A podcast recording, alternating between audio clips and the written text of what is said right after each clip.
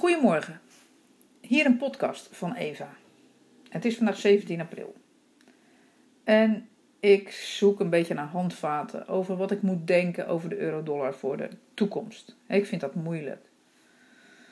En uh, ik kwam een verhaal tegen waaruit blijkt dat wereldwijd de detailhandel verkopen wat teruglopen, dat de importen naar de VS teruglopen, dat de industriële productie wat naar beneden gaat, de huizenprijzen wereldwijd worden wat lager, autoverkopen blijven achter, zowel in de VS, in China als ook in Europa en met name ook in Nederland.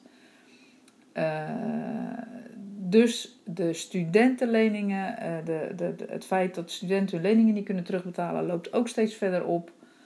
Uh, de Baltic Dry Index uh, is op zijn laagste niveau in drie jaar. Er zijn een aantal aanwijzingen dat er een beweging aan zit te komen. Dat, het, dat er de, de, de borrelt ergens iets, er broeit iets. En ik weet niet zo goed waar. Dus ik ben gaan kijken naar hoe is nou de volatiliteit van euro-dollar. En de volatiliteit van euro-dollar is eigenlijk heel laag.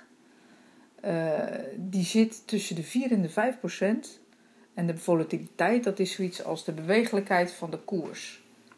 En die is heel laag. En dat betekent dus dat de koers over de afgelopen periode vrij stabiel is. En dat kun je ook zien als je naar de euro-dollar grafiek kijkt van bijvoorbeeld een maand of twee maanden of drie maanden.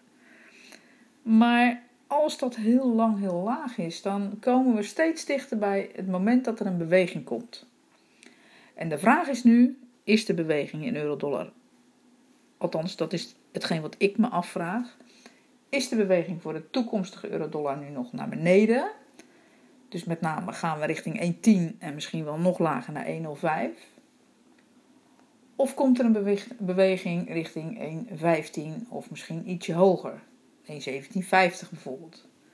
Ik zoek een beetje handvatten waar ik me aan kan vasthouden om daar nou iets over te denken. En ik moet zeggen dat uh, we hebben het in Europa ook niet makkelijk.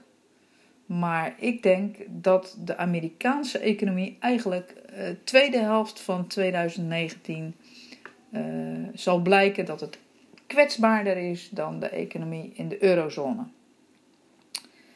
En uh, uit hoofde daarvan denk ik dat we in euro-dollar best wel weer eens een keer richting 1,15 kunnen gaan. Misschien 1,1750.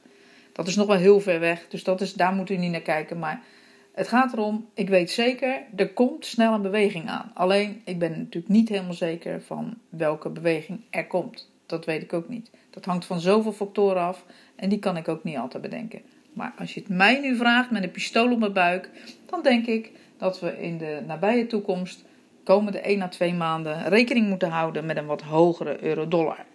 Het is een idee, het is een gevoel.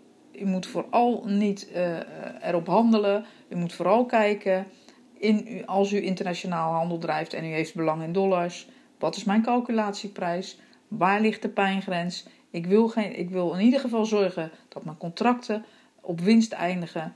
Dus kijk goed naar wat de calculatieprijs is wat de koers nu is. En als u met winst uw valutarisico kan indekken, dan moet u dat zeker doen. Ik heb geen glazen bol, maar ik vind af en toe, ik, ik, eh, ik moest erover nadenken en ik dacht, ik, eh, nou, ik uh, laat mijn gedachten eens los op een podcast. Dus, nou, dit was hem. Een fijne dag verder. En heeft u vragen? U kunt altijd bellen. Eva. E-E-V-A. Telefoonnummer 010 465 15 25. Veel succes!